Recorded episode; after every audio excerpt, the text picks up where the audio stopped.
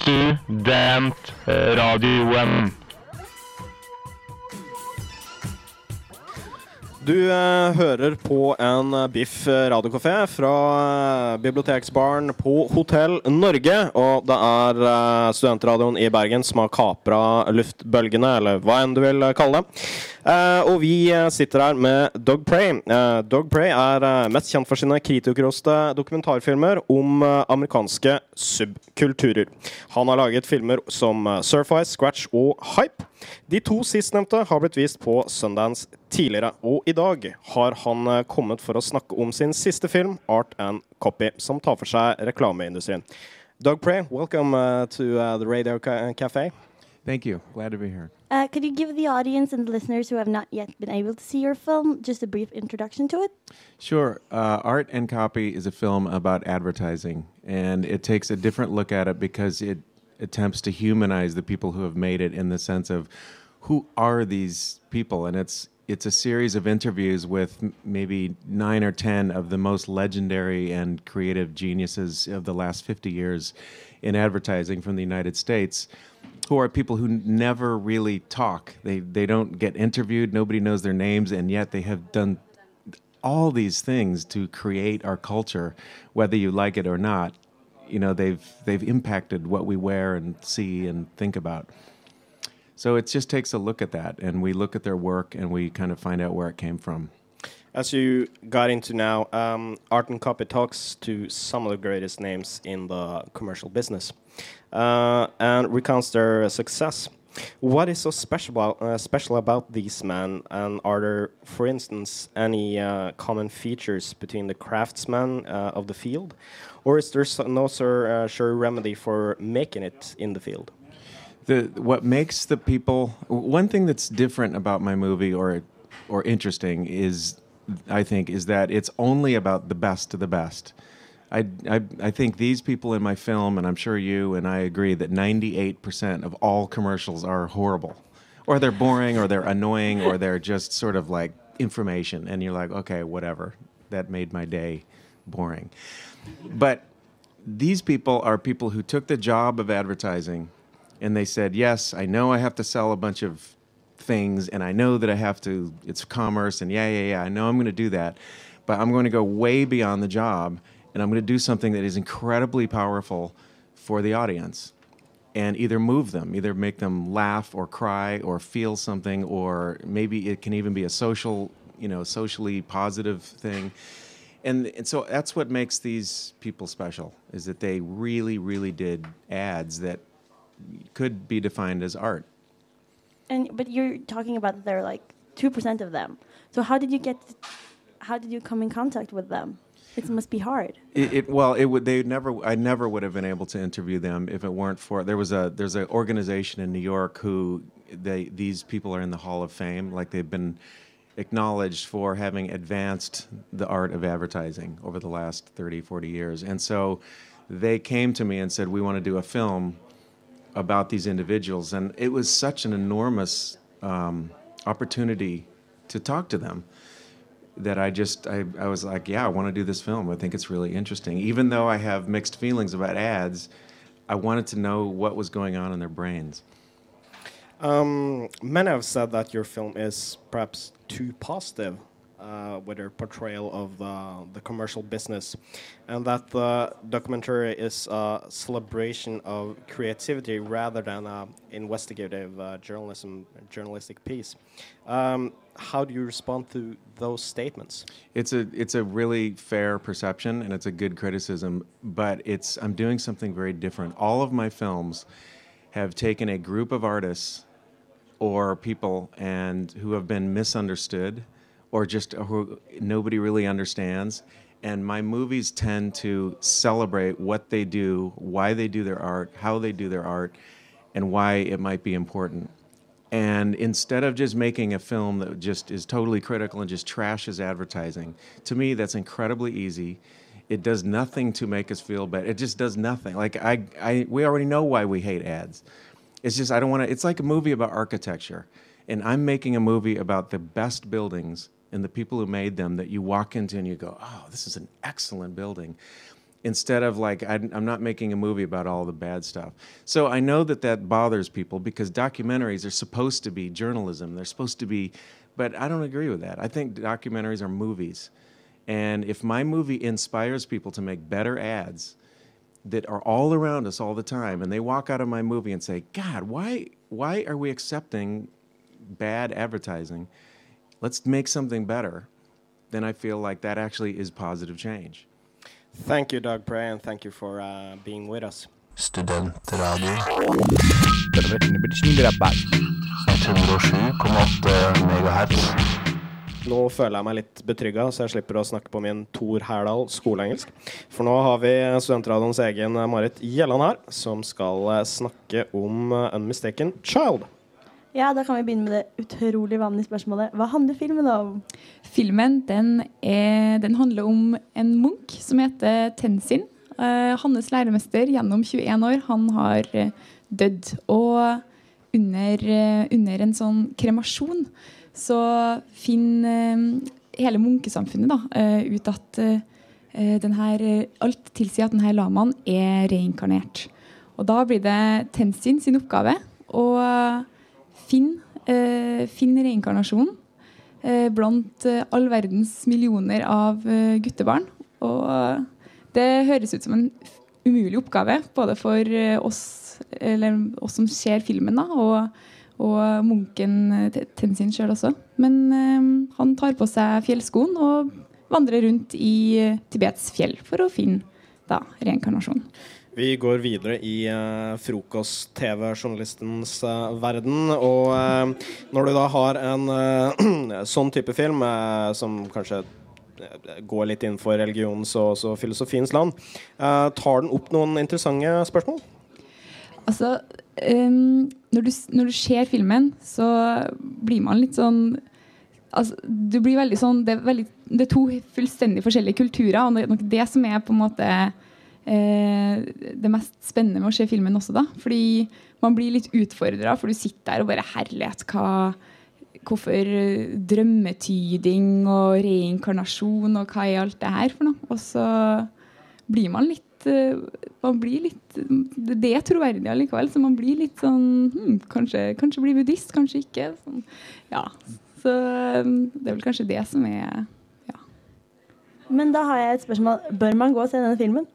Jeg syns absolutt alle sammen som hører på, bør gå og se denne filmen. For den er eh, spennende og morsom og trist og en skikkelig skikkelig gladfilm. Så du kan se den på Magnus Bar Fot både på søndag morgen klokka kvart på ti, tror jeg, og tirsdag kveld, sånn rundt ellevetida på kvelden. Så anbefales absolutt. Vurderer du å bli buddhist nå? Jeg har kanskje tenkt litt på det i dag. Altså. Jeg har- nettopp sett filmen, altså. jeg har jo ikke fått uh, gått så veldig gru- grundig inn i buddhismen. Men uh, det ser ut som en veldig hyggelig religion, så ja, kanskje.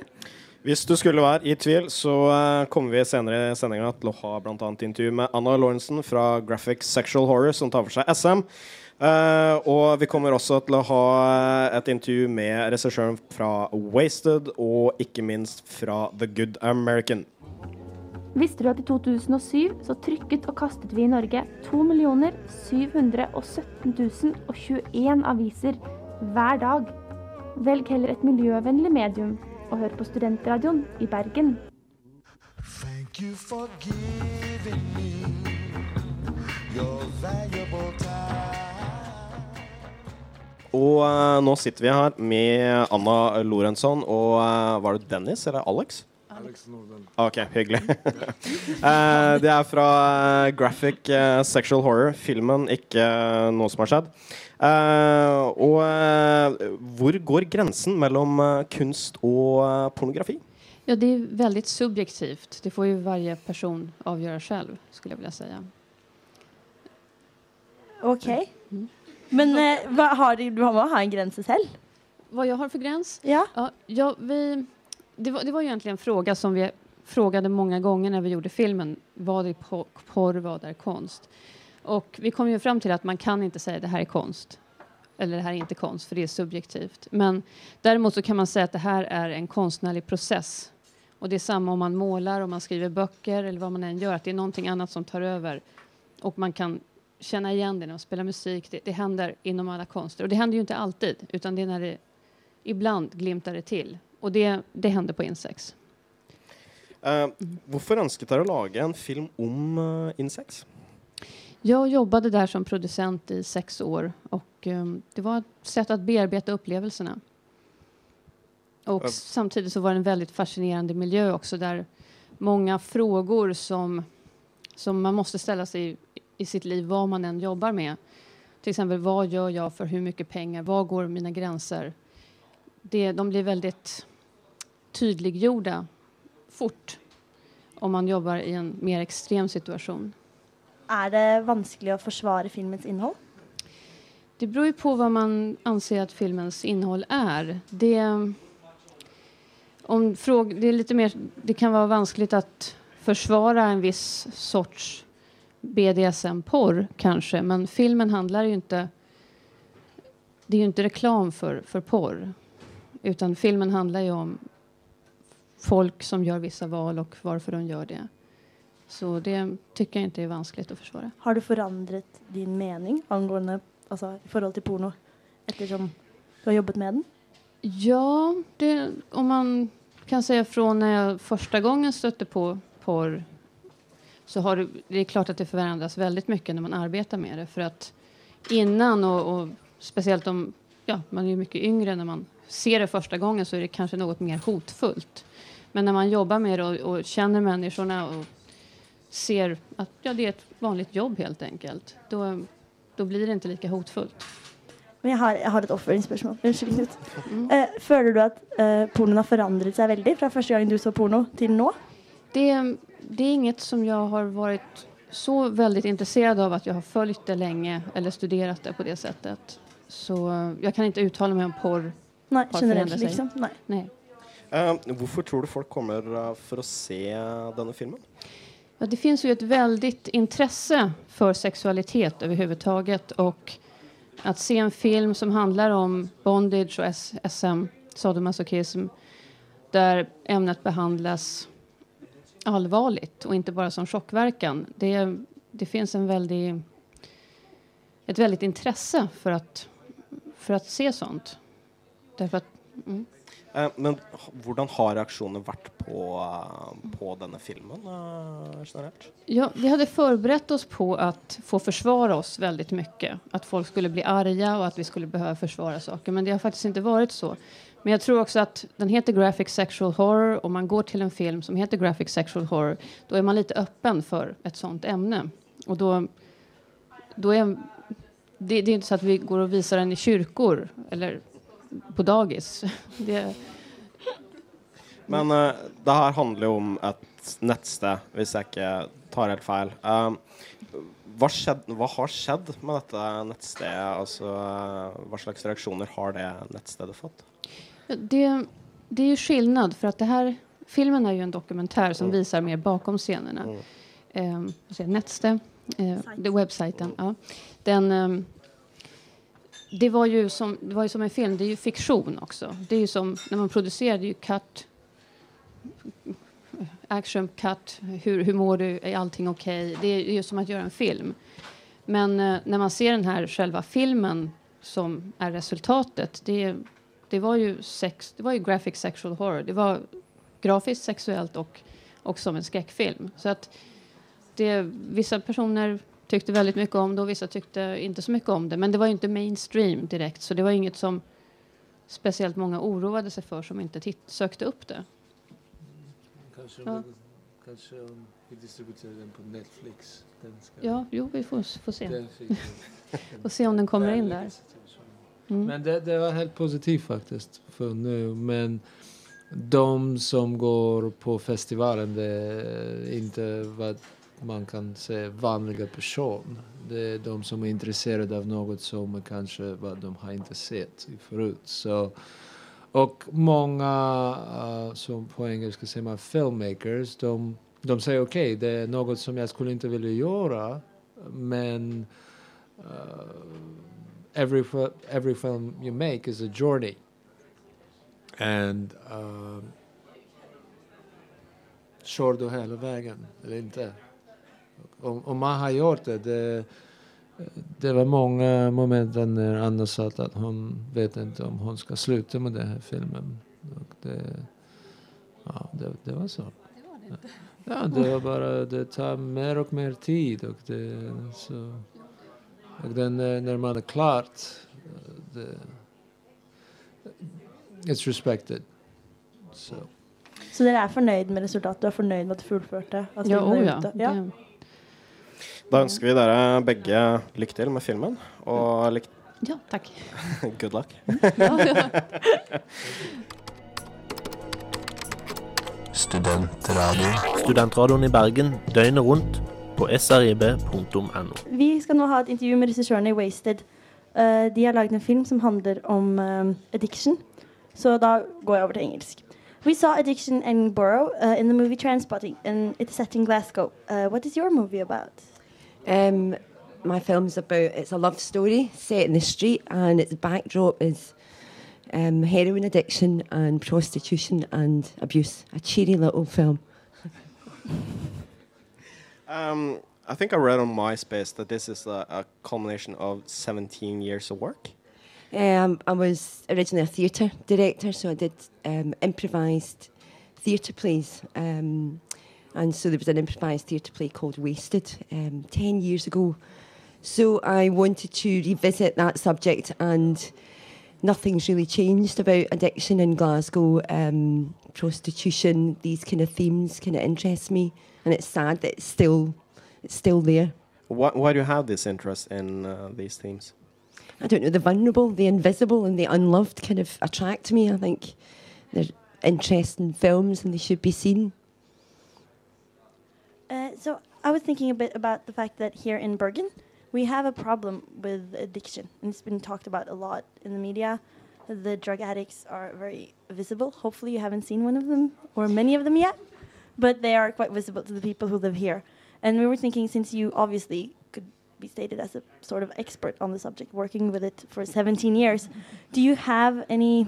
Did you learn any lessons, or do you have any advice for a city also struggling with addiction? Um, no, my film's not about, you know, I never worked with addicts. You know, the, the, the thing about the film is to just show that these people are human beings like we are and really a bit of care and a bit of love and rehab, more money, more education um, and more care, really.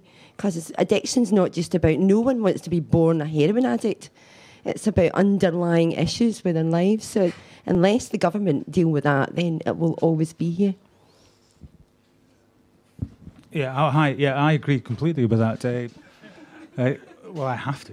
Uh, the drug problem in Glasgow is is very severe, and it is to do with people with no future, no chance in life, and it's a shame. And they, it boils down to education, I think. Um, did this uh, movie take place in sort of a well an an, an environment with drug addicts? Yeah, um, there's actors and ex addicts and some kind of trying to come off heroin. So there is a mixture um, because we wanted it to be as authentic as we could. So yeah, um, we all kind of worked together and we still kind of, we're still in touch, if you know what I mean. We worked with a group. So yeah. But the theme in the movie is love, and do you feel that that um, when you have nothing, when you have no future, when you have uh, not too much education, that the that the feelings get stronger? Well, I, I- I just wanted the uh, an audience to care about these people, and I thought about well, surely love we all deserve that, whether we're a heroin addict, an alcoholic, or whatever. Um, and I wanted the audience to see see them as human beings, not as people in the street begging, and we we instantly go, oh, I'm frightened of them. I, I don't want anything to do with them. I wanted, you know, and I wanted it to be a love story that you cared about these two young people. Well, thank you, uh, and um, good luck with uh, the movie. I don't know how it how it has been received, uh, or Well, we screened it today. It seemed to go really well, and we're on tomorrow, five o'clock. So, anyone's listening, please come. Sorry, punt my film. It's called Wasted, and it's brilliant. And actually, you can get a free badge, which are really co- is really cool badge. So come along. I'll be there, and I'll give you a badge if you come and you pack out the cinema. Okay, thank you. Der fikk dere høre hva dere skulle gjøre. Ja, ikke minst. Og eh, nei, eh, løp og se filmen, og uh, well, I just want to say good luck and with the movie, and uh, I don't know if you have any future plans for it, but good luck with that as well. Thank you very much. Hei, dette er Bjarte Tjøstheim fra Radioresepsjonen på P3. Nå trenger du ikke bare høre på Radioresepsjonen. Det hadde vært kjempefint hvis du kunne høre litt på Studentradioen òg. Ikke sant? Kom igjen nå. Uh, vi har jo tidligere i uh, denne Biff radiokafeen, som foregår i Biblioteksbaren på Hotell Norge, og kom! Uh, så har vi snakket med, om Art and Copy. Vi hadde jo et intervju med Dog Prey. Og du, eh, Jon Aksel, har jo sett denne filmen. Eh, hva er din umiddelbare reaksjon? Eh, jeg har lyst til å bli reklamemann når jeg blir stor. Det er min umiddelbare reaksjon. Du er eh, du, du slår på stortromma med det kapitalistiske sloganet 'Make money, not war'. Ja, altså det her, den filmen her, det er liksom Jeg forherliger det. du får lyst til å bare hoppe i en pengebinge full av god reklame og svømme, altså. Det er ehm, Filmen er jo en sånn hall of fame. Uh, og det er faktisk folkene som er flinke med reklame, som blir intervjua her. da. Og alle de folkene er sånn kjempeinspirerende folk som har lyst til å bli bestekompis med, liksom. Hvordan, kan du beskrive noen av de som er med? Er alle liksom som Petter Stordalen? Ganske små og ganske muskuløse og spretter rundt hele tiden? Eh, De fleste er ganske energiske, men det, Petter Stordalen er ikke helt eh, Det er liksom Det var, varme mennesker, syns jeg. da Du får, du får sympati for dem, og det er liksom eh, hardtarbeidende mennesker som du Ja, du føler at du blir kjent med dem under filmen, og de er, du blir inspirert, da, så jeg sånn. Så den, eh, den fjerner kanskje litt det negative inntrykket som reklameindustrien har. Ja, men jeg tror det, finnes sikkert mange filmer og dokumentarer om eh, hvor negativ eh, den reklameindustrien er, og du blir bombardert med reklame og miljø, alt som går eh, Alle ressurser som blir, brukt på det, alle pengene som blir brukt til det. Men det her er jo en film som er faktisk viser en litt lysere side. Altså, det, jo, det finnes jo bra folk. Kanskje få, men det finnes bra folk som jobber med det her. Som, Vi to diskuterte jo det her litt Iselin, i stad angående favorittreklamer. Eh, de vi syns er ufattelig morsomme. I norsk regi så har vi jo Lotto-reklamene som har hatt en sånn liten tradisjon med å være underholdende eller morsom om Det du vil. stemmer. det stemmer. Hva er din, Har du fått en ny favoritt? Eh, jeg, altså, jeg er egentlig fan av Apple-reklamer, uh, må jeg si. Jeg liker veldig godt uh, den um, Apple skal knuse IBM-reklamen fra 1984. Eh, liker veldig godt. Og så um, liker en Nike-reklame med Michael Jordan. Der går gjennom en sånn gang fram til eh, kampen, der han forteller om eh, ja, hvor mange skudd han har mista, hvor mange kamper han har tapt, og alt det der. Jeg er veldig Ja, jeg er veldig glad i, i eh, Michael Jordan fra før, da. Så, men, men det er en veldig bra reklame. Også den eh, klassiske Got Milk-reklamen er jo veldig kjent. Så eh, jeg har mange favoritter. Mm. Flott å høre. Eh, du vil med andre ord anbefale denne filmen? Ja, eh, det altså Mikael Olsen Lerund var jo her tidligere eh, var på den filmen her, og etterpå så var det en sånn spørrerunde med Dog Prey. Og eh, før han begynte å svare på spørsmålet, så spurte Mikael Olsen Lerund om eh, alle som hadde lyst til å jobbe inn eh, reklame, om de kunne rekke opp neven. Og det var 13-14 i salen som gjorde det, og jeg var blant dem. Så anbefales. Likte du stemmen til Jon Aksel? Vel, han kan du høre igjen på søndag i programmet Gutter og gutter. Uh, og han er også singel. Uh, vi skal om litt uh, ha et intervju med Øystein Hick, som er uh, regissøren bak filmen The Good American. Å høre er å tenke. Nå sitter vi her med Jochen Hick. Uh, Yes, I, I'm Jochen not sure Hick. if I pronounced No, that no, correctly. correct. I don't want to be um, im- implied here. Uh, but you made the documentary. Mm-hmm. Um, it's called The Good American, uh, and it's about a man called. Uh, well, his name is Tom Weiser, and also his site. Well. Uh, the site that he represents, Rent a Boy and also Hustler Ball. But first of all, how did you hook up with Tom Weiser? Uh, we were once filming at a hustler ball in Germany because this is now almost like a trademark of a kind of a mostly gay circuit event party, a big party, and it also takes place in Hamburg for a couple of years. We have been filming there, and they recommended us to talk with Tom Wise, who could not be in Berlin because obvious reasons, because he was e- illegally living in the US for more than 10 years and working in that organization because he was HIV positive, would never get a green card or anything, nor would have been able to stay. So they uh, asked me to maybe call him, and we talked on the phone, and then we started one month later to film in the States his last year before he returned to Germany after 15 years. So, how, uh, I haven't unfortunately not been able to see your movie.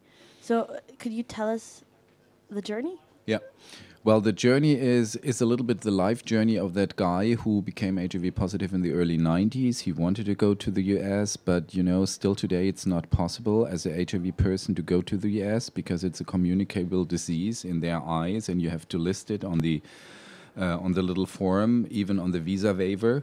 So he went there and tried kind of to hide and never leave that country for more than 10 years and not get into trouble with police. Since he couldn't start his own business or work legally, he started to uh, uh, work with that rentboy.com organization, help that person to to do these hustler balls, these big events were initially meant to take or get uh, hustlers who were on the streets, which was a very illegal and still prostitution is illegal in the United States, to get them from the streets um, uh, into a more safe place. And you know, nowadays almost no one is on the streets anymore, and they're most doing it online. Um, but yeah, for uh, those uninvited into this world, um, I mean, um, Rent Boy and also Hustler Ball, how do those two events and also the site uh, work together? Uh, are well, Hustler, Hustler Ball is a little bit to promote. Maybe Hustler Ball in the beginning was something political to promote also the website, but also to get uh, more kind of a political issue or kind of um, some political views on what prostitution is. You know, we, you have these movements in all countries all over the world, also with women, to get it officially as a pro- uh, as not only like prostitute on the street, but that it's a profession and something you do.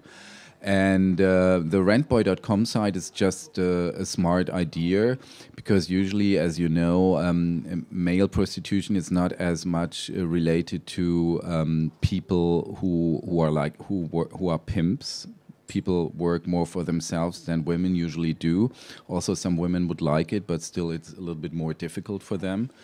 Um, and so this was the the right platform, and they're making a fortune with that platform because in you can access it in in uh, every country, and uh, there are local sites, New York or Berlin or wherever, and you hook on, you pay to be as an escort on that site.